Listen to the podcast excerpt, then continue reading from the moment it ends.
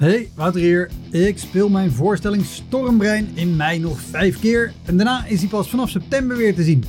Op 2 mei speel ik hem in de Rijswijkse Schouwburg. Op 10 mei in de stad Schouwburg in Utrecht. 17 mei in het Toon Hermans Theater in Sittard. 25 mei in de Wiese in Schalkwijk. En 29 mei in het Stadstheater in Zoetermeer. Eind mei maak ik mijn nieuwe speellijst bekend, inclusief een te gekke show in de zomer. Meld je via elektropodcast.nl of woutermonde.nl aan voor mijn nieuwsbrief. Dan weet je als eerste waar en wanneer ik te zien ben. Sowieso is dat handig, want dan krijg je elke maand één mail met erin een overzicht van alle podcastgasten, de columns die ik die maand heb gedaan en alle shows die er in de maand erop gaan komen.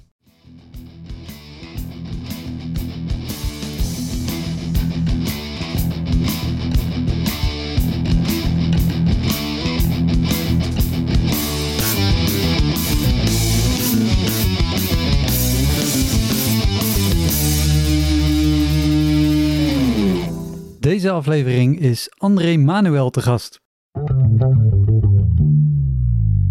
En ik heb ook wel eens avonden gehad dat er zoveel gebloot werd... dat de voorstelling echt gewoon bijna drie uur duurde. Omdat ik zelf ook zo stom als een kanarie op het podium stond. Maar dat geeft niet. Naast cabaretier is André ook actief als columnist en als muzikant. Hij maakt muziek met de band Krang, maar was ook te horen op het nummer Zandloper van Typhoon. Heel veel plezier. Dit is de Elektra Podcast met André Manuel.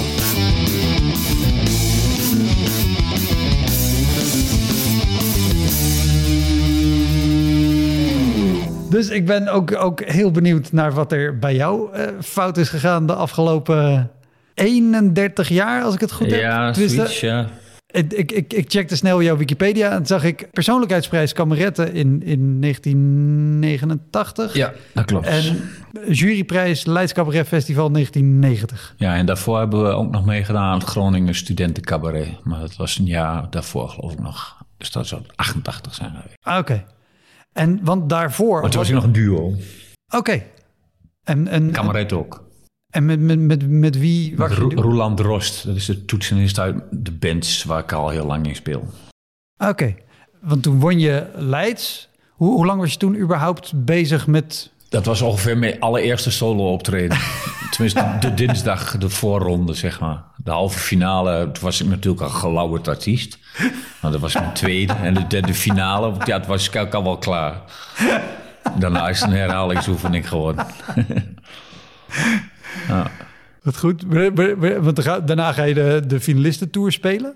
Ja, Wa- waren dat veel shows? Want tegenwoordig zijn ja dat toen was dat 40 echt veel, 50. ja. ja. Ik denk volgens mij wel eh, eh, rond de 100, denk ik. Oh, jee. Ja, Ja, dat was toen, had je toen die... eh, eh, ik weet niet meer, Jan Pietersen presenteerde dat volgens mij toen Jan nog. P. Pietersen, ja. Ja. de, de, de puntdichter. Ja. En, en nog iemand, Margot Ros misschien. Ik weet niet, een van die, eh, eh, oh, eh, eh, een van de weinig grappige vrouwen in ons land. Ja, Die, die, die Van- deed van ook iets. C, eh, ja. maar nee, maar nee, Ja. nee, dat zijn natuurlijk meer grappige vrouwen. Nee, dat was... eh, ehm, ik denk dat het een jaar of twee eh, eh, heeft geduurd, die finalistentour. Want dat was natuurlijk ook wel voor heel veel Schouwburg ook wel een eh, eh, fijn om dan eindelijk eens een keer een avond in de grote zaal te filmen met onbekend talent. ja. Ja. En waren die zalen ook altijd gevuld? Of zo? ben je daar ook op plekken gekomen dat je dacht, nou, ik ben nu Wow, winnaar, dat is al zo lang geleden. Volgens mij werd dat wel redelijk eh, goed bezocht, ja. En het was natuurlijk... En, en, en, dat we- en eigenlijk... ehm, ik, ik, ik kan me herinneren dat in die tijd met dat soort avonden eigenlijk veel te veel publiek zat. Want dat is natuurlijk niet iets waar ik eh, eh, eh, heel erg eh, op zat te wachten. maar gelukkig ging dat met mijn solo-voorstelling eh, rap weer naar beneden, de bezoekersaantal. En toen kon ik rustig iets op gaan bouwen. Want Waarom zat je niet op veel publiek te wachten? nou, ik, ik, maak, ik denk dat het Nederlandse publiek. Het grote publiek, dat, dat, is, dat vindt wat ik doe gewoon mm, ja, niet, niet echt heel erg. eh, eh, eh, ze trekken dat niet, laat ik het zo zeggen. Ja, Je komt dan ook op, op zeker in die periode kom je natuurlijk ook op plekken. En dan zeker als je in combinatie met twee andere artiesten speelt die echt totaal anders zijn. Dan kom je ook op, op avonden terecht waar eh, misschien wel drie van de 500 mensen, 300 daarvan, echt gewoon helemaal niks hebben met wat jij doet. Dat is verder ook niet zo erg. Je leert er ook heel veel van. Maar ja, na tien keer begint dat wel enorm te vervelen, kan ik je vertellen. en weet je, weet je nog zo'n avond voor de geest halen waar dat gebeurde? Nou ja, ik heb het later met mijn solo-voorstelling ook wel gehad. En, zeker rondom de voorstelling Braaf, waar echt heel veel ophef uh, rondom was. Dan sta je bijvoorbeeld in de Liefdekamp in Os. En dat, dat was bijna altijd uitverkocht. Dat maakte niet uit wie daar uh, op kwam trainen. Want dat was met die... Hoe heet die man ook weer? Ruud Rademakers, geloof ik, de directeur toen. Ik weet niet precies of dit klopt hoor. Dan moeten de luisteraars thuis maar even opzoeken. Want dat ga ik niet zelf doen. Daar ben ik gewoon veel te lui voor. Maar hij had een, een bezettingsgraad van bijna 100% van het theater in, uh, in Lievekamp in Os. Ja. Omdat hij alles wat hij, zeg maar, als hij Tineke Schouten uh, verkocht, dan kon je de twee of drie andere voorstellingen voor vijf gulden er nog bij nemen. Met als gevolg dat mensen gewoon voor één kaartje uh, gewoon vier voorstellingen ja. bezochten. En ik zat er dan ook tussen. En als je de ene week naar Tineke Schouten gaat en de week erop zit je bij andere Manuel in de zaal met 700, maar ja, dan kom ik in ieder geval in de problemen. Dat is een hele andere voorstelling. Ik, ja. ik, ik, wilde ook naar deze vraag om, omdat ik uh, in mijn hoofd had, ik dacht ja. Uh, ik, ik, weet natuurlijk dat jij, uh, de, laat ik het zo zeggen, een eigenzinnige uh, cabaretier bent. Of gewoon een hele eigen stijl. En inderdaad, als je dat leuk vindt, dan is het te gek. Maar als je voor Tineke Schouten komt, dan is het andere koek. Toen dacht ik, ja, niks ten nadeel van Tineke Schouten. Nee, nee, ik heb ook wel eens ontmoet. Maar het is gewoon zo totaal anders ja. dan wat ik doe. En als je dan in de, in, zeg maar in de slipstream van haar meegezogen wordt... en dat ook al haar publiek bij jou in de zaal krijgt... dat, dat is gewoon... Ja, ik bedoel, laat ik het zo zeggen. Dat is niet, niet bevorderlijk voor het succes van de avond. Nee, want, want wat ik wilde zeggen, waarom ik eraan dacht is... Dacht, ja, André Manuel, ik weet dat er ooit iets was. En toen googelde ik op André Manuel publiek boos. Ja. En toen kwam ik inderdaad een artikel tegen over de Lievekamp in Os... waar ja. 150 man ja, de zaal ja, verlaten. Meer 220 of zo liepen de weg. Maar kijk, er wordt vergeten dat er ook 480 bleef zitten. Ja.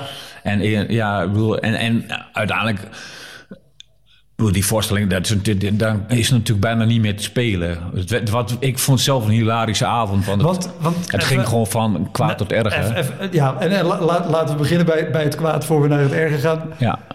Wat, wat zat er in de voorstelling dat er 150 tot 220 man zei wij gaan thuis een DVD van Tineke Schouten bekijken. Nou, het was de tijd dat, uh, dat overal de stille tochten werden georganiseerd. Wel. Er was ergens zinloos geweld. En wat mij betreft is alle geweld zinloos. Maar dat was daar in die periode echt de reden om dan massaal de straat op te gaan. En als Nederlander te laten zien van dat doen wij niet aan mee. Wij zijn heel erg tegen geweld. En, Ja. nou, ik werd daar heel kregelig van. Want bedoel, dat, dat, dat is typisch Nederlander, Nederlanders om dan op een bepaald moment, als het er niet meer toe doet, in één keer in het geweer te komen. En, en je ziet ook mensen voor, voor op zo'n uh, optocht lopen waarvan je vermoedt van ja, die gaan straks, als het allemaal niet helemaal lukt met die stille tocht, thuis hun vrouw helemaal in elkaar meppen. Je ziet het gewoon overal. En toen had ik een voorstelling gemaakt over zinloos geweld. En dat ging over het vermoorden van de gehandicapte zwarte negerin in een rolstoel. Dat was zeg maar de. De, de, daar ging de voorstelling over. En, en, uh, en, ja, en, en, alles, zeg maar, alles wat ik in die voorstelling deed, was zonder knipoog. Want cabaret is heel vaak, je moet een beetje een stille afspraak met je publiek maken van alles wat de artiest op het podium zegt. Dat zegt hij eigenlijk. dat meent hij allemaal niet. Ja.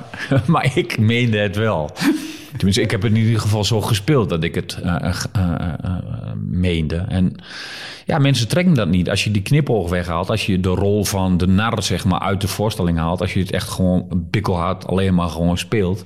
En zoals in die tijd wel meer. ik, kom, ik kom ook uit een beetje de, de dwarse muziek en ja. de dwarse politieke opvatting en het dwarse theater. En ja, dan trekken mensen dat toch niet. Het was ook een beetje, Kaandorp, Vinkers, dat was een beetje uh, de, uh, het grote cabaret op dat moment. En dat was natuurlijk eigenlijk alleen maar uh, grappig en absurd en qua te lachen. tijd zitten we dan nu zo begin jaren negentig nog steeds? Ik denk eind jaren, halverwege eind jaren negentig volgens mij. Ja. ja. of misschien wel het begin. Nou, ik, Braaf was volgens mij de vierde, dus ik denk 6, 7, 98, die periode, ah, okay. ja. ja.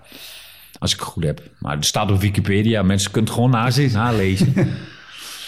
Nou, nou ja, dat, en op een bepaald moment. Dan, en ik, ik zat ook een beetje te worstelen met mijn eigen rol. Want ik had natuurlijk al een paar jaar uh, voorstellingen gemaakt. Ik had dat, mijn allereerste voorstelling, dat ging heel goed. En Indiaan vooral was een mooie voorstelling, goed ontvangen. Alles moet weg, ging redelijk goed. En ik, ik, ik werd een beetje, oh, een beetje, beetje, beetje, beetje zagrijnig van mijn uh, podiumaanwezigheid. Uh, mensen vonden mij vooral heel lief en aardig en liepen met mij weg. En vooral de wat oudere vrouwen. En ja, eh, ik ging daar, eh, ik, ik, ik, bots, ik botste met mijn eigen imago, zeg maar. Dat, daar wou ik. Ik wou gewoon af van dat uh, ideale schoonzoon imago. En dat, in mijn geval doe ik dat dan altijd vrij radicaal. Als ik iets uh, doe en ik merk dat ik dan een bepaald soort succes mee heb en dat succes zint mij niet, dan gooi ik de kont in de clip en dan gooi ik het radicaal om. Nou, en dat ging in dit geval ging het meer dan, uh, meer dan goed. en, maar, maar, want dit is denk ik een avond dat het heel extreem is. Ja. Of misschien dat het breder uitgemeten is in, in pers of zo. Ja, nou, op een bepaald moment, zeker in Brabant, was het gewoon niet meer te doen. De mensen kregen gewoon van de uh, uh, twee weken van tevoren al een briefje in huis van... u heeft kaartjes in huis voor André Manuel, maar pas op. Dat is niet een voorstelling waar je gewoon zomaar naartoe moet gaan zonder... Dat sloeg helemaal nergens meer op die mensen. En, dat werd gestuurd vanuit het theater dan? Al? Ja, vanuit de Schouwburgen. Mensen kregen gewoon brieven thuis. En ik, ik kreeg ook... Er waren ook bijzondere avonden bij. Want ik had bijvoorbeeld in Den Bosch, in, in de Schouwburg in Den Bosch hoe heet dat ook alweer aan het plein daar, uh, boulevard, de theater en ik een boulevard of zo, ik weet niet precies ja, dit. Maar daar heb ik ook iets van 50 neonazies in de zaal zitten. Echt gewoon, echt gewoon met Dr. Martin en kaal, kaal geschoren kop. En die dachten van, we gaan nou even 50, uh, we gaan nou even anderhalf uur lang keihard lachen om racistische humor. Maar dat was het dus ook niet.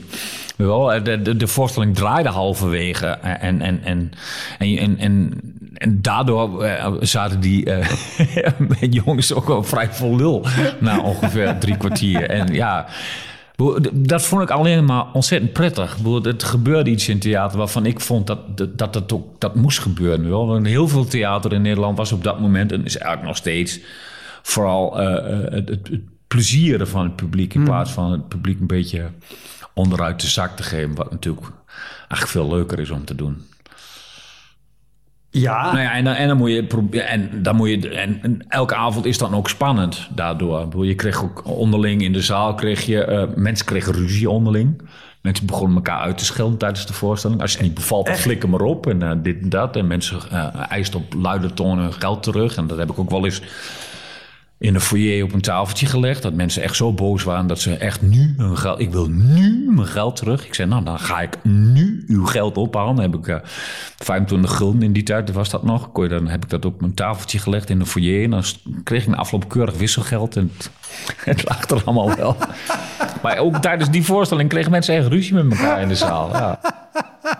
Dat je op een bepaald moment zelf maar op mijn stoeltje moest gaan zitten. Maar ja, dan, dan, dan moest het maar gebeuren. Maar ik had zelf enorm veel plezier. Want het gebeurde al tijdens de allereerste try-out dat het uit de hand liep.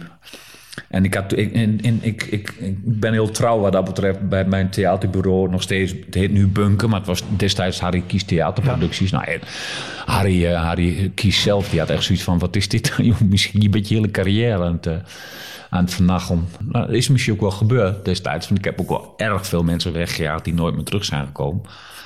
Maar ik had zoiets van, ja, die mensen wil ik ook gewoon niet in de zaal hebben. Er is ook niet meer niks tegen om, om, om uh, elk jaar een voorstelling te maken voor uh, niet iedereen. Wel? Er wordt ook heel veel uh, mooie dingen gemaakt voor een klein publiek. De, de rare gedachte heeft postgevat in ons land dat alles alleen maar waarde heeft als het een succes heeft. Maar dat is natuurlijk een heel relatief succes. Sommige dingen zijn heel interessant voor 100 individuen en andere dingen zijn interessant voor 100.000 individuen. Er, zijn, er zijn stadions te vullen uh, met een optreden van de uh, snollebolkers. En, en, je kunt een heel klein kroegje vullen met een optreden van mij. Hoe dat verschil is nou eenmaal, dat is er altijd. Ja. Dat zal ook altijd zo blijven. En ik heb me altijd enorm veel uh, thuis gevoeld bij juist die kleine zalen en die mensen die die er echt voor komen. En ook, je moet ook een klein beetje moeite doen. Ik, ik, ik, je moet ook moeite doen om de voorstelling te begrijpen. Ik bedoel, de meeste voorstellingen zijn binnen vijf minuten wel helder, toch? Waar ze naartoe gaan. Over het algemeen wel, ja. Ik, heb, ik, ik, kan me herinneren dat ik ooit een keer een voorstelling van Wim, Wim Hels heb gezien in Logmeer, iets verderop. En dat het eerste half uur het publiek gewoon in verbijstering in de zaal zat. Dat ze helemaal niet begrepen waar, waar het over ging. Dat er geen enkele reactie kwam. Maar in één keer na een half uur viel het kwartje. En toen draaide alles om. En ah. werd het gewoon één grote zegentocht voor hem. En dat vind ik mooi, mooi aan theater. Dat je eigenlijk jezelf gewoon aan het begin van de avond op een achterstand zet. En probeert dat tijdens de anderhalf uur die daarna nog volgen weer om te draaien. Want dan, dan, dan ja, ik weet niet, dan, dan wordt het ook gewoon werken. En ik, ik mag graag werken voor mijn geld. Ja, eh, heb je denk ik ook zeker gedaan. Ja. Maar heb, heb je dan ook niet, kijk, ook al, eh, je kan succes natuurlijk definiëren als, als commercieel succes. Ja. Qua, qua hoeveel verkoopt het en dan de tegenstelling, jou in een kleine zaal of snollebollekes in een groot stadion.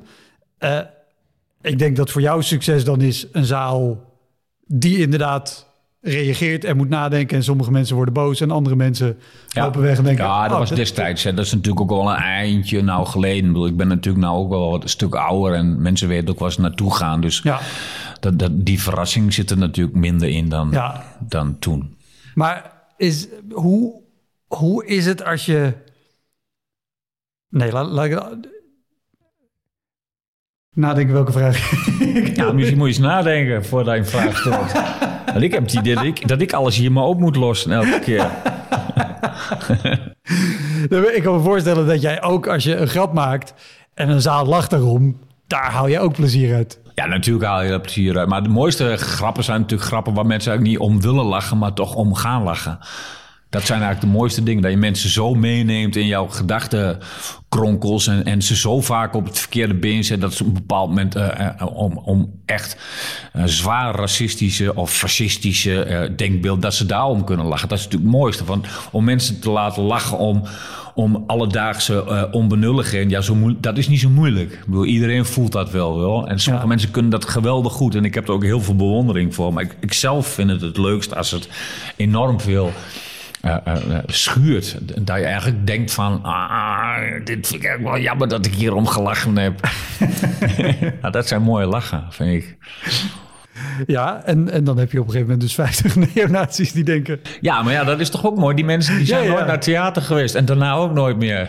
Die, die hebben de enige theaterervaring opgedaan bij mij in de zaal. Dat is toch fantastisch? Hebben die dan ook als de voorstelling halverwege draait in de tweede helft om dingen gelachen waarvan zij misschien dachten... Nee, jongen, dan worden die mensen die worden natuurlijk gewoon boos. En dat is natuurlijk ook hartstikke leuk om boze mensen in de zaal te hebben. En dan zeker als dat soort mensen gewoon kwaad worden. Dat is natuurlijk altijd het allerleukst.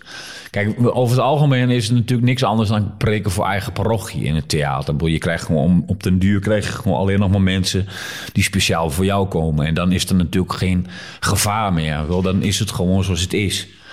Maar als je eh, eh, eh, eh, mensen naar het theater kunt lokken die eigenlijk daar helemaal niet thuis horen, dat is toch het leukste wat er is. Boy, ik, ik maak ook geen illusies hoor. Het, heeft het is verder ook gewoon een volkomen zinloze expeditie geweest voor mij. Maar ik heb er zelf gewoon heel veel lol aan gehad. Maar heb je dat ook niet als er, als er, als er dus 50 neonazies boos voor je neus staan? Wat, wat doet het met jou? Want als ik... Ja, ik, maar ik heb ook Als ik wel, ik heb, ook wel ook, boze Marokkanen voor mijn neus gehad na afloop van de voorstelling. Ik heb iedereen wel eens een keer boos gehad voor mijn neus. Maar ik, ik kom ook altijd na afloop van de voorstelling weer in de foyer. En eh, soms zijn mensen dan echt heel kwaad. En ik, ik moet wel bijzeggen, dit was al een tijdje geleden. Dat gebeurt natuurlijk nou niet meer. Maar destijds wel heel veel. Maar dan na vijf minuten lullen in de foyer... blijkt ik gewoon een hele aardige man te zijn. En dan blijkt het ook gewoon theater te zijn. Wat het ook gewoon is natuurlijk. Hè. Het is ook gewoon theater. Het is spelen met de werkelijkheid. En als ik me op een bepaald moment eh, eh, zelf uit artistieke overwegingen dwing... in een hele ongemakkelijke rol... waar mensen zich ook heel ongemakkelijk bij voelen... dan nog blijft het theater. Het is geen... Dat ik daar de waarheid sta, sta te verkondigen, dat is natuurlijk niet waar. Dat is, dat is onzin. Ik, ik, ik, kruip soms. Ik heb ook de man van, eh levende man van de SVP gespeeld. Dat ik eh, Jan Kwakman eh, speelde, de Volendamse volksmenner. Waarvan ik toen nog dacht van dat zal wel nooit werkelijkheid worden. Maar hij is al aan alle kanten ingehaald. en de- wat we nu in de Tweede Kamer hebben zitten, dat is nog... Dat is erger dan Jan Kwa- Kwakman ooit had kunnen denken. Maar die man die ging gewoon met mij aan de haal als karakter. Die man die was zo verschrikkelijke eh, eh, eh, rechtse populist. Die braakte af en toe taal uit dat ik echt bijna uit mezelf trad en zat te kijken naar... wat is dat een eigenaardige man die hier op het podium staat? Nou, dat was ik dan zelf. Maar, ik, maar omdat het die rol was, wel, dan, dan vanuit die rol kun je zoveel meer zeggen dan als je, daar, als je zelf op het podium staat. Ja, ik heb, me er altijd in, ik heb daar al- altijd enorm veel plezier uit gehaald. Ja, om eh, zelf ook op het verkeerde been te zetten. Maar die man die kon echt losgaan in die, vanuit Ja. die rol. Maar en, en, en Het, is altijd lastig. Om, altijd lastig. Nee, dat is niet waar. De podcast draait natuurlijk om mislukte optredens. Maar dit is ook haast een vorm... Kan, kan deze vorm mislukken? Laat ik als vraag stellen. Want het doel is niet per se om een zaal 90 minuten aan het lachen te brengen. Maar als dat wel lukt om de juiste grappen, dan is dat ook goed. Of als ze lachen om de dingen waar ze eigenlijk niet om zouden willen lachen. En als ze geraakt worden omdat ze denken, ah, maar wat, jij, wat je nu zegt als, als type, of wat we denken wat je echt vindt, en ze raken daarom boos of weet ik wat, dan, dan is je doel ook ja, ja, ja, bereikt. Ja, ja, maar ik geloof ook niet, nee, maar dat is een beetje de, de kijk, ik, ik, ik geloof inderdaad niet in een volkomen mislukt optreden. Daar geloof ik niet in. Ik geloof wel in, uh, ik weet precies uh, wat elke artiest heeft, dat je op totaal verkeerde plek terechtkomt. Ja, dat maken we allemaal mee, zeker in het begin. Dat je, dat je met je domme kop in één keer tijdens, of tussen het voorgerecht en het hoofdgerecht ergens in een of andere zaal staat te spelen. Dat je denkt van, volgens mij vinden ze de soep leuker dan, dan mij. Wel. En dat is dan ook vaak zo. Maar dat soort optredens heeft iedereen wel een keer meegemaakt, helemaal in het begin. Maar dan nog hoeft het niet te mislukken, zo'n optreden. Omdat je dan denkt van, ja, ik moet toch mijn eigen... Je moet altijd bewaken dat datgene waar je zelf in gelooft... dat dat in ieder geval overeind blijft. Want anders dan sta je natuurlijk de volgende keer... Uh, met minder plezier op een toneel. Maar als je de confrontatie zoekt met je zaal en, en dat lukt dan, en, en ook al is het op dat moment een verschrikkelijke avond, waar de stilte echt oorverdovend is, want die avonden heb je natuurlijk ertussen zitten, dat het echt niet meer goed komt na drie kwartier. Die heb ik ook wel gehad. Maar dan nog, omdat je gelooft in waar je uh, uh, zelf vindt en voelt en, en wilt dat er gaat gebeuren, dan is dat vol te houden. Ja, eh, en weet, weet je nog voorbeelden, desnoods vanuit het begin van je carrière, of desnoods, maar of vanuit het begin van je carrière, waar je dus op dat soort shows stond tussen tussen voor- en hoofdgericht? Nou ja, stu studentenvereniging heb je in het begin ook wel gedaan. En dan soms dan kom je gewoon op de verkeerde, bij de verkeerde studentenvereniging. En er zijn er nogal wat. Kijk, er zijn een aantal leuke studentenverenigingen in Nederland. En misschien zijn er er tien. Maar er zijn ook 990 verschrikkelijke studentenverenigingen in mijn beleving. Dan waar je dan bijvoorbeeld... Ik ben wel eens naar Groningen gereden voor... Uh, uh, ik weet niet wat het was. Er was een benefiet eh, voor Rwanda of zo. Ik weet niet, maakt niet uit wel. Dus, ergens in Afrika, ze hebben altijd wel iets. Maakt niet uit wie. Dat ging niet zo goed daar. Het gaat nog steeds niet zo goed daar. Dus alleen maar dat wij aan de gang kunnen blijven met onze benefit. Maar dan kom je op zo'n, uh, bij zo'n studentenvereniging en dan blijkt gewoon dat het helemaal niet gaat om, eh, om, om dat doel, dat, dat goede, zogenaamde goede doel. Dat gaat alleen maar om gebras en gevreed en ge, gezuip en gescheld en gedoe. En, en, en ze gooien een, een bak geld. Uh, wel, er is een paaldanseres en er is iemand die kritisch doet. Nou ja, wel. Dat is dan hun manier. Nou ja, je snapt het wel. Groningen, Groningen studentenkor, dat is gewoon echt verschrikkelijk volk. Maar dat doe je één keer omdat je, omdat je niet weet wat het is. En dan kom je daar en dan dan blijkt van, nou, dit is niet iets wat André Manuel nog een keer moet gaan doen. Want dan wordt André Manuel heel agressief en dan kom je gewoon op het verkeerde moment. En, zeker met het verkeerde verhaal in het nieuws.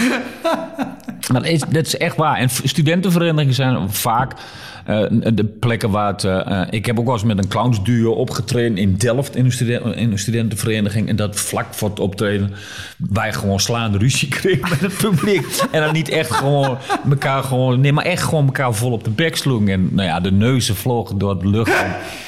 En het was echt verschrikkelijk. Nou ja, dan gaan wij gewoon... Wat we dan toen wel hebben gedaan, is nog opgetreden ook nog. Wel vlak daarna, na dat uh, incident. Dat we echt maar ja, ze, begon, ze ons decor af te breken en we hadden zoiets van, ja, fuck it, wel, betaal maar gewoon. En het werd uh, betaald en we zijn in ons busje gestapt, zijn we naar huis gereden. We hebben gezegd, dit doen we nooit weer. E-, even één stap terug. Was het André Manuel en er was ook een clownsduo? Of was je daar als onderdeel van de Nee, ik heb ook een tijdje in een circus hier gespeeld. Zo'n zo'n klein... Uh, toen ik in Nijmegen woonde, had ik uh, vrienden en hadden we een uh, circus Kersenpit. Hadden we. Dat was eigenlijk voor kinderen. Maar zo heel af en toe kregen we een uitnodiging om bij een studentenvereniging te spelen. Ik weet niet eens meer hoe we daar aankwamen aan het optreden. Met Wil van der Loo, een goede vriend uit die tijd. Ik, ik zie hem al heel lang niet meer, maar was een toffe gast. En dat was echt, ja, nou ja, alles, alles. Als mensen je, uh, uh, aan je gaan zitten en dan fysiek geweld gaan gebruiken en je de koop proberen af te breken, ja, dan is het natuurlijk gewoon En, Zelfs bij mij de grens wel gepasseerd hoor. ik kan over het algemeen heel veel hebben, maar dat is gewoon echt te. En weet je nog wat, wat de aanleiding was? Onze aanwezigheid was eigenlijk al genoeg. nee, maar er zijn gewoon heel veel mensen. En nou ja, dat voel je overal. Je voelt het de dam voor cultuur in Nederland is natuurlijk echt gewoon heel groot. Het is echt gewoon. Er zijn zoveel Nederlanders die het echt helemaal niks vinden wat wij doen.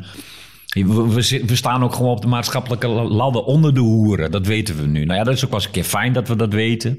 Ik wist het al heel lang. Omdat ik natuurlijk gewoon in de praktijk dat leven al heel lang leid. Het leven van een hoer.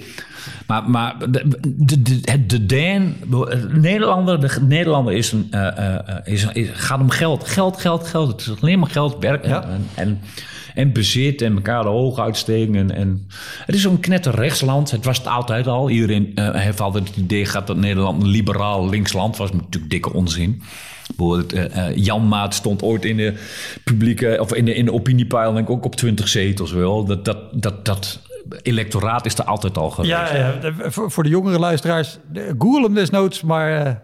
Ja, nou ja, Jan Maat was een... Uh, de voorloper van, de, van de PVV's. Een hele genuanceerde rechtse man was dat vergeleken met wat er nou in de Tweede Kamer hem zit. Maar dat is heel bizar toch, dat die Jan Maat toen eigenlijk gewoon door iedereen gewoon...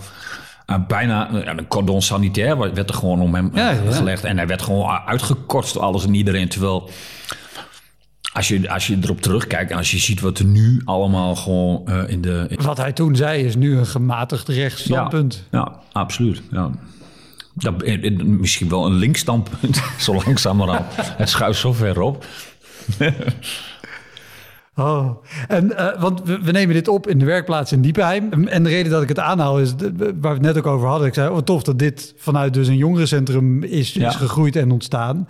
Vroeger had je een enorm netwerk aan jongerencentra door heel Nederland. De podcast is genoemd naar een jongerencentrum. Die programmeerde ook heel veel theater en cabaret. Ja, ik, daar heb ik ook heel veel gedaan, jongerencentra speelden. Wat, wat is de... Wat is er waar je terugkijkt en denkt... In die tijd was er gewoon geen rookverbod in theater. En, en, en, dan, en, en als je in een jongerencentrum kwam, had je ook wel eens de avonden dat er gebloot werd. En ik heb ook wel eens avonden gehad dat er zoveel gebloot werd... dat de voorstelling echt gewoon bijna drie uur duurde. Omdat ik zelf ook zo stonend als een kanarie op het podium stond. Maar dat geeft niet. Maar het was super relaxed. En het tempo moet dan ook op laag. Want mensen die stoned zijn, die snappen het allemaal wel... maar gewoon een paar minuten later. Dus het moet allemaal heel langzaam verteld worden. Ik heb super, super goede ervaring... Uh, met de optredens in jongerencentra. Wel, kleedkamers wel, waar je in wasbakken moet pissen. Ja, bedoel, iedereen heeft het meegemaakt en iedereen eh, heeft er veel plezier aan. En ik doe het nog steeds. Ik vind, het ook, ik vind het ook heel jammer dat het steeds minder wordt, dat soort plekken. Omdat op een of andere manier... We hebben hier in Diepenheim, dat jongerencentrum, dat is gekraakt. een gekraakte stadsboerderij uit 1973. Dus bestaat al sinds 1973. Wij waren in, in, in, mijn jeugd, toen ik 16, 17 was, waren we de hele dag, gewoon zeven dagen in de week waren we daar met z'n allen wel. Om, om, om, dingen te doen, met elkaar te lullen, bier drinken, muziek maken, podium bouwen. En, en, en elke generatie die er eh, opnieuw zeg maar intrekt, dat verandert. Soms heb je een, een, generatie jongeren, dat zijn net ambtenaren. Die doen het alleen op vrijdagavond open. En daarna gaat het hele week weer dicht. Maar er komt dan ook weer vlak daarna weer een generatie die, die hetzelfde voelt als wij voelen. En die, ja, die nemen dan helemaal weer bezit van het pand, zeven dagen in de week. En dat, dat, ja, dat wisselt. Maar ik vind het wel heel belangrijk dat dat soort plekken er zijn. En zeker in, in, in Oost-Nederland, waar eigenlijk alles een beetje uh, leegloopt, is het hier, juist door dat soort plekken, dat we in staat zijn om mensen nog bij elkaar te houden. De, de onderlinge sociale het cement, zeg maar, in de hmm. samenleving wordt eigenlijk vooral geleverd door dat soort plekken. Als dat soort plekken er niet meer zijn, gaan jongeren weg. Als jongeren weggaan, gaan bakkers weg. Want dat en, en als bak, de bakker gaat slagen, als de slager gaat de supermarkt, de supermarkt gaat de school, de school, de super, nou ja, wel. Alles gaat zo één, voor één wordt weggedoen. Dat is natuurlijk ook wat mensen het liefst willen. Want uh, uh, uh, zo'n Jeff Bezos, die moet natuurlijk uiteindelijk ook gewoon zijn geld in Diepenheim kunnen verdienen. maar, nee, maar dat is een beetje, dat is, dat, het is toch heel absurd dat een man in Amerika gewoon zo'n systeem heeft opgetuigd dat, dat een, een middenstander in een klein dorpje als Diepenheim daar last van heeft. Maar zo zit het natuurlijk wel in elkaar. Hoi, Wouter hier. Luister je vaker Elektra? Dan is het een goed idee om crewmember te worden. Je doneert dan automatisch elke maand een klein bedrag. En in ruil daarvoor krijg je extra afleveringen, consumptiebonnen om in te wisselen als je eens live bij mij komt kijken. En je krijgt een unieke link waarmee je voortaan de podcast luistert zonder dat ik halverwege onderbreek om te vragen of je crewmember wil worden. Zoals nu. Dus, word crewmember. Dat kan al vanaf 1 euro per maand. In de omschrijving van deze aflevering vind je een linkje voor meer informatie. Oké, snel weer terug. Heb jij bedrijfsoptredens gedaan? Doe jij bedrijfsoptredens? Ehm, ik doe eigenlijk alleen maar eh, eh, eh, ehm, speciale dingen. Zoals af, vorige week heb ik de, de Dutch Innovation Days in Enschede geopend. Maar dat zijn dan mensen die vanuit ja, dat gaat dan heel erg om, over kunst en, en, en, en ook wel over toepassingen. Maar ik voel dan, als ik er iets bij voel, dan doe ik het. Ja. Ik, ga nooit, uh, ik doe nooit echt uh, uh, van die 10.000 euro dingen. Nee. Maar ik hoor collega's over dat... dat ik, ik heb er ook wel eens van gehoord. Ja, ik, ik, ik, nee, ik niet, nee. Maar heb je ook in het verleden niet dat soort dingen gedaan? Nou ja, ik heb wel eens, in, toen ik net begonnen was, wel eens een keer een optreden gehad wat ik zei tijdens zo'n diner. Maar dat wist ik dan eigenlijk niet. Of ik heb ook wel eens gespeeld in Koerhuis, dat kan ik me nog herinneren. Maar dat we eigenlijk alleen maar zoiets hadden van... Nou, het is in ieder geval fijn dat we even mee konden eten. Want zo chic hadden wij dan nooit gegeten in die tijd. Ik kom ook maar gewoon uit Diepenheim. Hè. Dat was gewoon aardappels en een stukje vlees en een beetje groente. Nee, maar dat was heel, eh, heel snel. Je komt natuurlijk heel snel achter of je dat uh, trekt of niet. En ik trek dat gewoon niet. Ik, ik voel me daar niet te groot voor. Ja, misschien wel te groot voor. Ik, ik, ik ben geen hoer wat dat betreft. Nee. Dus en, nee, maar wij zegt je komt er snel genoeg achter. Je, moet, je moet er natuurlijk je moet er minimaal één doen ja, om erachter te komen. Dit is niet... Ja. ja, maar het was er ook maar één. Ja. Weet je nog wat, wat, voor, wat voor avond of wat voor bedrijf dat was? Want als dat Koerhuis is, dat is niet... Nou, niet, niet zomaar een lullig uh, bedrijfje. Nee, maar, ook, maar ook dat soort dingen. Uh, ik, ik, weet niet meer eens wat voor een bedrijf het is. Maar je had het ook. Ik heb ook wel eens voor de FNV gespeeld. En daar heb ik op een bepaald moment ook gewoon afgezegd. Want dan stond ik bij stakingsbijeenkomsten te spelen. En dan kreeg ik daar geld voor. Terwijl ik dacht van dat vind ik al heel raar. Om geld te krijgen op een stakingsbijeenkomst. Ik heb wel eens bij Hoogovers gespeeld. Uh, en dan kreeg ik daar echt zoveel geld voor dat ik dacht van, hoe kan dat nou? En daarna was ik daar en dan was uh, uh, Blok presenteerde, de gigantjes speelden en de scene speelde. En volgens mij werd er gewoon een ton uitgegeven aan, aan een randprogramma. En, en al die mensen van Hooghoofs, al die arbeiders, die zaten daar voor me en die zaten te kijken. En, en ik zag gewoon, die vinden er gewoon geen reet aan, joh. Dus ik dacht bij mezelf, dat is gewoon een ton. Wordt gewoon weggegooid hier vandaag. Zonder dat iemand er wat aan heeft. Maar het lijkt dan alsof ze dan een hele succesvolle stakingsbijeenkomst hebben opgezet. Terwijl het gewoon alleen maar weggegooid geld was. Nou ja, daar hou ik dus ook niet van. Want wat, wat, wat, wat voor dingen speel jij op zo'n. Op zo'n, op zo'n ik doe alleen maar, als ik, eh, als ik dat soort dingen doe, zoals dat vorige week bij die innovatiedagen, dan doe ik alleen iets nieuws. Ik ga niet bestaande dingen doen. Ja. Dus dan schrijf ik er iets voor. Ik ben ook columnist al heel lang. Voor, uh, ik heb heel lang een Icon uh, radio columnist ben ik geweest. En ik doe al heel lang voor een krant. Dus dan schrijf ik meestal een, uh, in columnvorm een stukje van 10, 20 minuten. Ja. Ligt er maar aan hoeveel er gevraagd wordt. En dan heb ik daar ook niet echt een prijs voor of zo. Dat doe ik ook niet voor heel veel geld. Dat doe ik gewoon voor... Eigenlijk vaak ook doe ik het om, om, om, om over een bepaald onderwerp ook iets meer te weten komen. Omdat ik dat ook leuk vind. Ik vind innovatie, uh, ik vind het leuk om erover na te denken. Omdat dat natuurlijk ook uh, allerlei luikjes opent naar humor. Wel, kijk, zo, ik heb bijvoorbeeld een verhaal gemaakt in innovatie van zo'n Oppenheimer. Vond de atoombom echt heel innovatief. Maar er is natuurlijk in Hiroshima niet, niet iemand geweest die dacht van... God, wat ontzettend niet meer wel. maar voor mij is dat dan... Die gedachtesprong heb ik dan als winst uit, uit het optreden gehaald. Nou, dat vind ik mooi. Wel, dat ik gewoon mezelf op een ander been kan zetten. Ja, precies. Nou, de, de, reden dat ik het vraag is bijvoorbeeld met zo'n uh, met zo'n bijeenkomst voor de hoogovens waar jij binnenkomt en denkt: hé, hey, maar wacht even, hier is gewoon een ton aan randprogramma. Ja, er stond gewoon een feesttent, hè? Ik bedoel, uh... Maar lijkt me niet iemand die op dat moment daar niet niets over zegt. Nee, ik zeg er ook wel wat over. Ja, maar ik heb, er ook dan, maar ik heb ook een keer bij Deventer. Uh, en toen heb ik gewoon helemaal niet gespeeld. Maar daar was gewoon niemand. Daar was gewoon een staakjesbijeenkomst. Dat was allemaal chic opgezet. stond een geluidsinstallatie. Er was een band en ik was dan de artiest. En toen was ik ook, denk, drie jaar bezig of zo. Dat was dan eh, 3,94 ongeveer. en, en ik kom daar en er is gewoon geen publiek. Dus is geen, uh, um, de, de, mensen waarvoor het georganiseerd uh, was, die kwamen gewoon niet opdagen. Ja, dan ga ik dus niet spelen. En dan zegt zo'n man, ja, maar je krijgt toch betaald? Ik zeg, ja, maar dat geld, dat steekt me in je reden. Dat heb ik ook niet gehad. Ik heb ook gezegd, ik wil dat geld niet. Ja, maar dat vind ik dan belachelijk. En ja, ik snap ja, ja. het. Ik snap dat de wereld zo in elkaar zit, dat heel veel mensen juist daar hun inkomen uit, uittrekken. Ik doe daar gewoon niet aan mee. Ik heb er geen zin aan. Nou ja, op zich. Ik word er heel ongelukkig van. Niet spelen op een stakingsbijeenkomst. Dat is eigenlijk gewoon de essentie van, het hele, van de hele bijeenkomst. En dat die mensen niet kwamen, nu snap ik het. We zijn toch aan het staken? Dan kom ik ook niet. Nee, maar dat is natuurlijk ook. Eh, je hebt natuurlijk ook. Kijk, de arbeidersbeweging in Nederland was eigenlijk in die tijd ook al gewoon zo volkomen geëmancipeerd. Er was ook niet zo heel veel mee te doen. En ik, je ziet het ook overal. Dat dat soort dingen gewoon helemaal leeglopen. Er zijn natuurlijk nog wel een aantal jongeren die zich bij een vakbond aansluiten. Het zijn er ook niet heel erg weinig of zo. Maar het is niet meer. Het is niet meer zo massaal als het ooit was. Er zit geen volume achter dat nog iets uh, teweeg kan brengen. Dat is, dat is gewoon voorbij. Dus het is. Uh, ja, oude, oude, oude meuk. Het, uh, ja, jammer ja. genoeg. Zijn er meer shows waarbij je of bij aankomst of in aanloop er naartoe al van tevoren zei... nee, dit gaan we toch gewoon helemaal niet doen? Ja, nou, ik heb wel eens gehad dat ik uh, met een voorstelling uh, ergens kwam en dat er dan gewoon heel weinig kaarten verkocht waren. En dat ik dan vroeg van, maar wat is dit dan? Ja, we krijgen gewoon geld en uh, we hoeven ook geen mensen, er hebben geen reclame gemaakt, want we krijgen gewoon geld van de gemeente. En dus, nou, fuck it, zei ik. Dan bel ik mijn theaterbureau en zeg, zet die me op de zwarte lijst, hoef ik nooit meer naartoe. Nee, maar dan ga ik ook niet meer. Ik ben niet die... Ik vind het niet erg om op te treden voor tien mensen.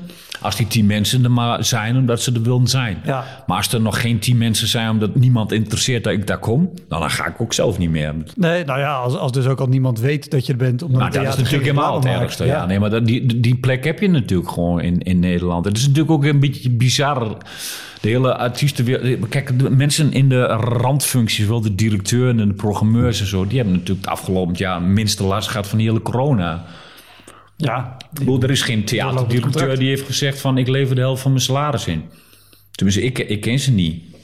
Ik heb het ook nergens voorbij zien. Nee, maar er zijn wel mensen die meer dan een ton verdienen. Hè? Dat vergeten we wel eens. Maar die zitten, die zitten gewoon, die verdienen nog drie keer zoveel als wij. Nou ja, of tweeënhalf. Ik ben ook niet zo, uh, zo'n nee. heel rijke artiest of zo. Maar, ja, maar ik, ik gun het die mensen ook wel. Ik bedoel, mogen, als ze daar maar voor werken. Maar als dan een bepaald met hele culturele leven in Nederland op zijn gat ligt dan mag, mag er ook wel iets gebeuren vanuit die mensen zelf. Maar dat gebeurt niet.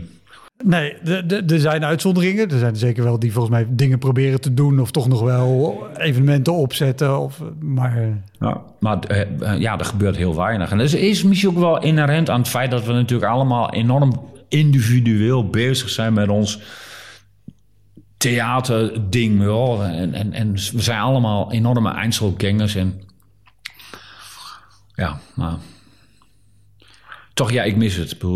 Ja, ik mis, ik mis toch wel. Er is geen solidariteit. De, de solidariteit is natuurlijk helemaal weg, natuurlijk, in, de, in onze samenleving, de onderlinge solidariteit. Ik, eh, ik zeg wel eens: er is bijvoorbeeld in de Tweede Kamer geen partij die 18 min heet.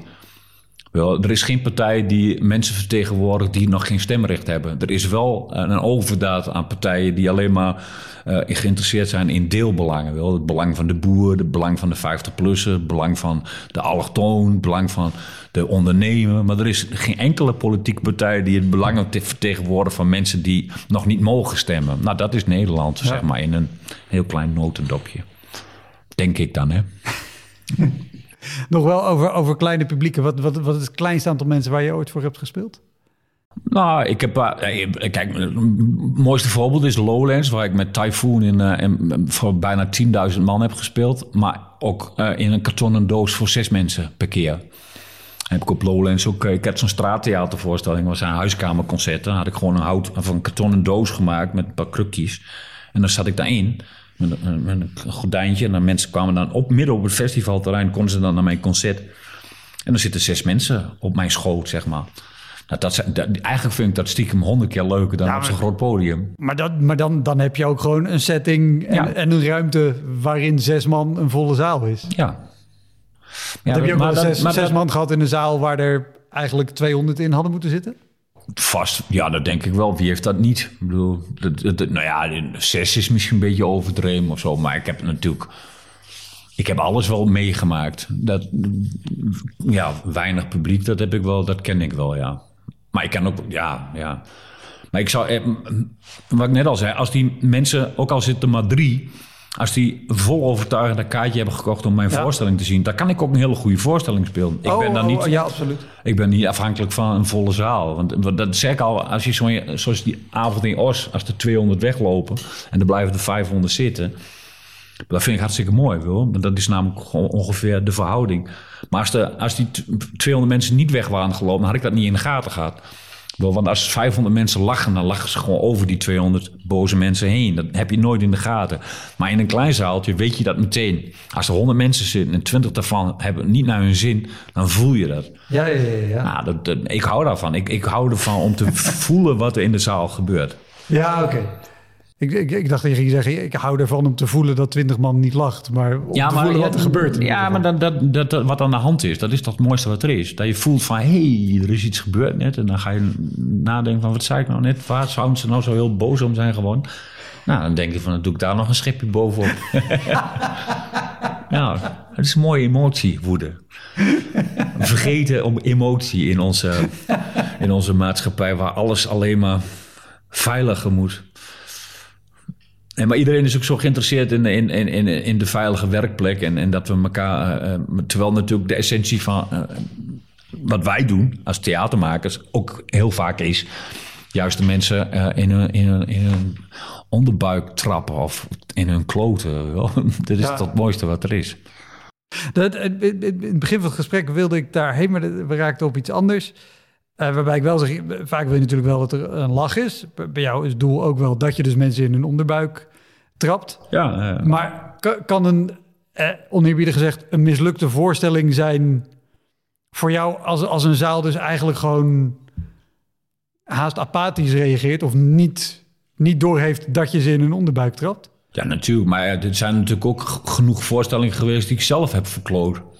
Ik, ik, en die, die hand wil ik ook wel in eigen boezem steken. maar in welke zin heb je ze verklapt? Nou ja, ik denk dat iedereen dat wel eens weet. Je weet, je, je doet ook wel eens dingen gewoon net verkeerd. En je weet het niet precies waarom, maar je voelt wel dat, ah, dit had ik iets anders moeten doen. Wel, soms zijn mensen namelijk uh, best wel wilwillend. Maar ik heb bijvoorbeeld een voorstelling, eh, die in Braaf zat ook en, tijdens een aantal try-outs een stukje, dat ik mensen in het gezicht spuugde. Dat ik zei van, dit is dus de grens. Maar dat is echt een grens.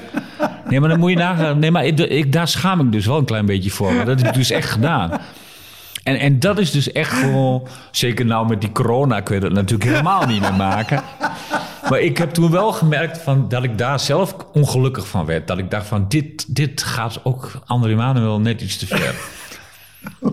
Maar vanuit mijn, uh, uh, uh, nogmaals, vanuit die voorstelling gedacht, hoorde het er wel bij. Wel? Het, het, het, de voorstelling veroorzaakte dat ik dat deed. Maar om, ja, op een bepaald moment, ja, als je daar nou echt gewoon zelf ongelukkig van wordt, ja, dan moet je er toch wel mee stoppen. Want dan kun je het niet meer geloofwaardig doen. ja, het is, ik probeer het heel eh, netjes uit, uit, te leggen, maar ik schaam me er wel nog wel een klein beetje voor. Ik, eh, ja. Er zijn ook theaters waar ik sindsdien nooit meer heb gespeeld. Dat weet ik 100% zeker. En dat heeft heel erg daarmee te maken. Oh, maar, maar, maar vertel even, want zoiets ontstaat en je bedenkt dat dat binnen de voorstelling past en binnen het thema het personage wat je speelt, dat je mensen op, eh, in hun gezicht spuugt. Ja, maar oh, dat is ook gewoon omdat je. Ook, ik was ook oprecht uh, uh, woedend over al dat gezeik in dit land. Met, met al dat onoprechte ge, ge, ge, gehul met met slachtoffers van zinloos geweld. Ik vond het echt zo onoprecht. Ik was het zo volledig oneens met wat er aan, aan het gebeuren was in dit land. Terwijl ik namelijk ik, in de, in de, in, het was maar op één moment dat, dat, dat die solidariteit uh, uh, uh, met mensen onderling gedeeld werd. Terwijl vijf minuten later stonden ze elkaar weer op de bek te slaan. En vanuit die woede gebeurde dat. En, dan, en dan zag ik, en ik, ik lette steeds vaker en steeds beter op wat er in de zaal gebeurde. En als je dan voelt dat de woede zich keert tegen de boodschappen en, ja, dan, en, en, en ik ben wel toevallig die boodschappen zelf. Dan wordt die agressie alleen nog maar meer gevoed. Nou ja, dan kom je steeds... Ja, dat is zo'n immetje en dat loopt dan over en dan... Ja. Niet trots op, maar het is wel gebeurd. ik ga het ook niet ontkennen. Maar, maar waar ik benieuwd naar ben... Ik heb wel eens, weet je, als ik uh, een show presenteer... en ik doe interactie met mensen... en weet je, je vraagt iets aan iemand... en je maakt er een lullige grap op... want dat is nou eenmaal de vorm. Ik heb ook wel eens in mijn hoofd dat ik direct al denk... Sorry. En dan spreek ik het uit en zeg sorry, dit was echt compleet onnodig. Ik maak nu alleen maar een lelijke grap over jou... omdat ik een lach wil scoren. Ja. Maar heb jij dan ook niet gehad dat je, ook al zit je helemaal in die emotie dat je, dat je weet, ik ga nu iemand in zijn gezicht spugen, maar je, je ziet diegene wel voor je. Dat je dan denkt, oh sorry, ik ga, ik ga jou nu in je gezicht spugen. Ja. En dat is onwijs gewoon. Ja, maar dat is, dat is, ja, natuurlijk is dat hartstikke, dat is toch, maar dat, vanuit die voorstelling, ik denk dat, misschien heb ik dat vijf of zes keer gedaan of zo. En na de zesde keer was het ook genoeg, het was toen klaar. Dat was, maar de eerste keer was het volkomen oprecht dat ik dat voelde. En de tweede keer ook nog wel. Maar misschien begon ik na de derde of de vierde keer te twijfelen. Maar ik heb nooit, nooit... Uh, ik heb bijvoorbeeld ook een keer in Kuik een aanvaring gehad met een vrouw. Ik, heb, ik had een stukje ook in ongeveer dezelfde... Volgens mij was het ook braaf. Dat ging over morons. Dat was idols voor geestelijk gehandicapten. En, en, en, en er was dan een spelshow en met geestelijk gehandicapten... die moesten dan op die ster gaan staan. Nee, dat is een stip, die ster. Nou, wel, en die helemaal afmaken. Ja. Maar dat stuk ging over idols. Maar ik, ik maakte alleen gebruik van geestelijk gehandicapten. Mongolen eigenlijk, zei ik. In die mocht dat nog. En toen mocht dat nog met luisteraars. En, uh, en, nou ja, en, en die, ik, nam ook geen blad voor mijn mond. En, en nou ja, als je een geestelijk gehandicapte af kunt kraken... moet je dat niet laten, vind ik. Ook die mensen die worden te vaak gewoon te beschermend opgevoed. En alsof ze niks meer, ze kunnen nergens tegen. Dus ik maakte dit helemaal af. Maar het ging over de talentenshows en het verkwanselen van eh, de, de, essentie van wat ik muziek vind. Wil. Ja. Daar ging het over. Maar er was een vrouw in Kuik, die werd er zo boos over... dat ze tijdens de voorstelling uh, uh, opstond en begon te schreeuwen. En uh, op een bepaald, moment, een bepaald moment vanuit haar emotie niet verder kwam dan... Je bent zelf een Mongool! En toen dacht ik van, ja, nou, uh, nou moet even ophouden. dit, uh, dit gaat me echt te ver. En dus, nou ja, heen en weer geschreeuw. Maar dat gebeurde in die tijd echt. Dat iemand iets riep vanuit de zaal. Ik riep iets terug en er werd nog altijd teruggeschreeuwd. En andere mensen begonnen te roepen van, ze heeft gelijk. En nee, nou ja, ik een bepaald moment... Maar twee weken later kreeg ik mailtjes van mensen van uh, uh, ja, u, u bent een schoft, u bent een, een fascist, u bent een, een, een verwerpelijk sujet. En ik weet niet, wie, wie, wie, wie zit dan, joh? Maar het bleek dus dat ze haar verhaal had gedeeld in de Down-groep. Dat was een online gemeenschap voor mensen die kinderen hadden met syndroom van Down. En daar had ze dat verhaal in gedeeld. En dat verhaal had ze uh, zo gedeeld dat het leek alsof ik gewoon niks anders doe dan de hele dag Mongolen ja, afzij. Ja, ja, Terwijl het natuurlijk gewoon een klein onderdeel van de voorstelling was.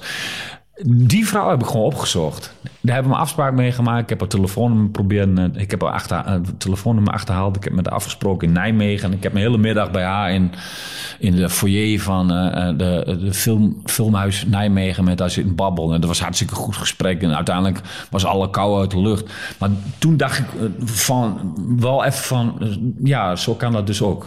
Dat, dat sommige dingen zo uit een verband worden getrokken. Dat ze buiten het theater een nieuw leven gaan leiden.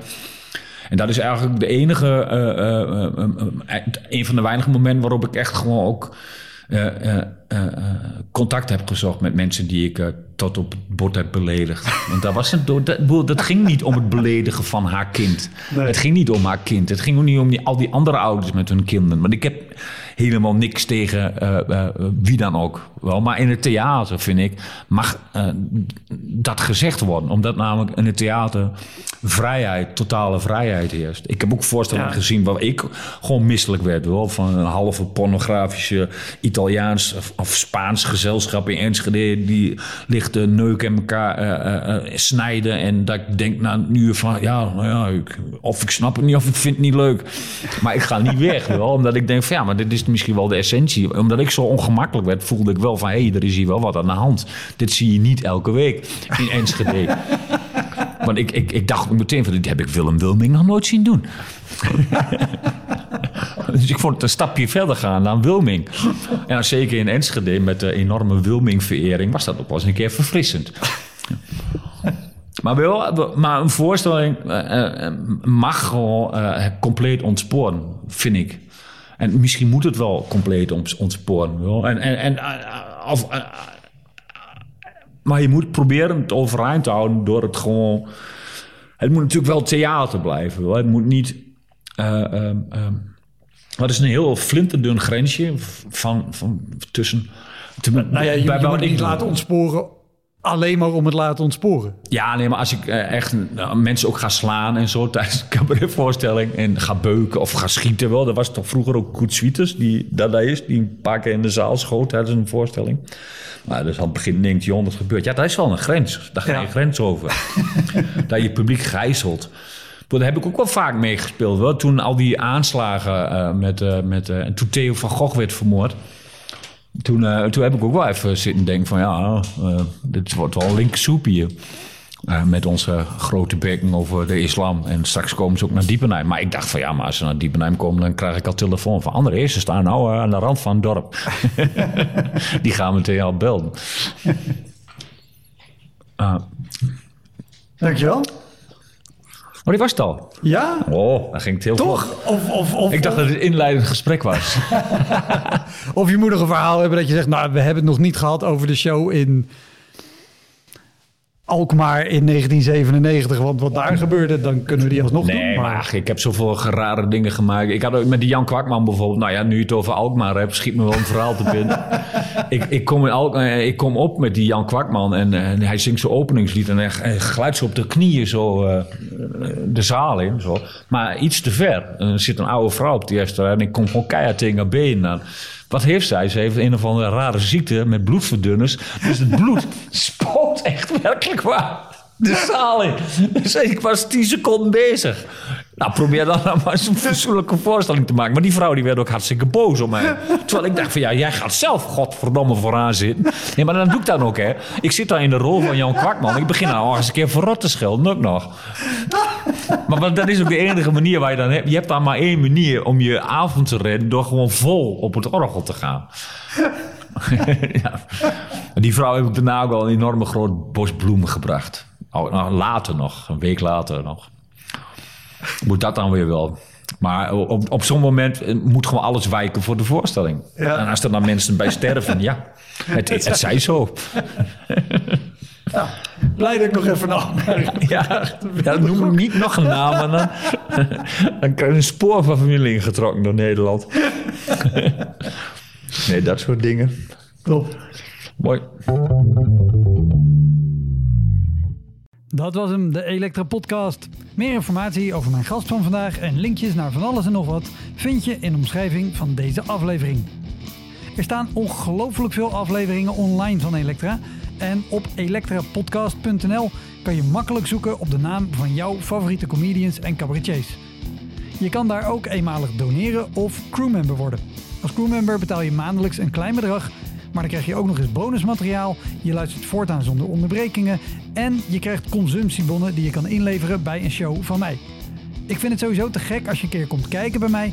Dus ga naar woutermonde.nl. Daar zie je precies waar en wanneer ik optreed. Of meld je aan voor de nieuwsbrief. Dan hou ik je op die manier op de hoogte. En dan nog iets. Elke vrijdagmorgen doe ik een column op radiostation Kink. Je kan die column terugluisteren als podcast. Hij heet Kink op de Week en je vindt hem in de app waar je ook deze podcast luistert. Oké, tot de volgende Elektra. Hoi!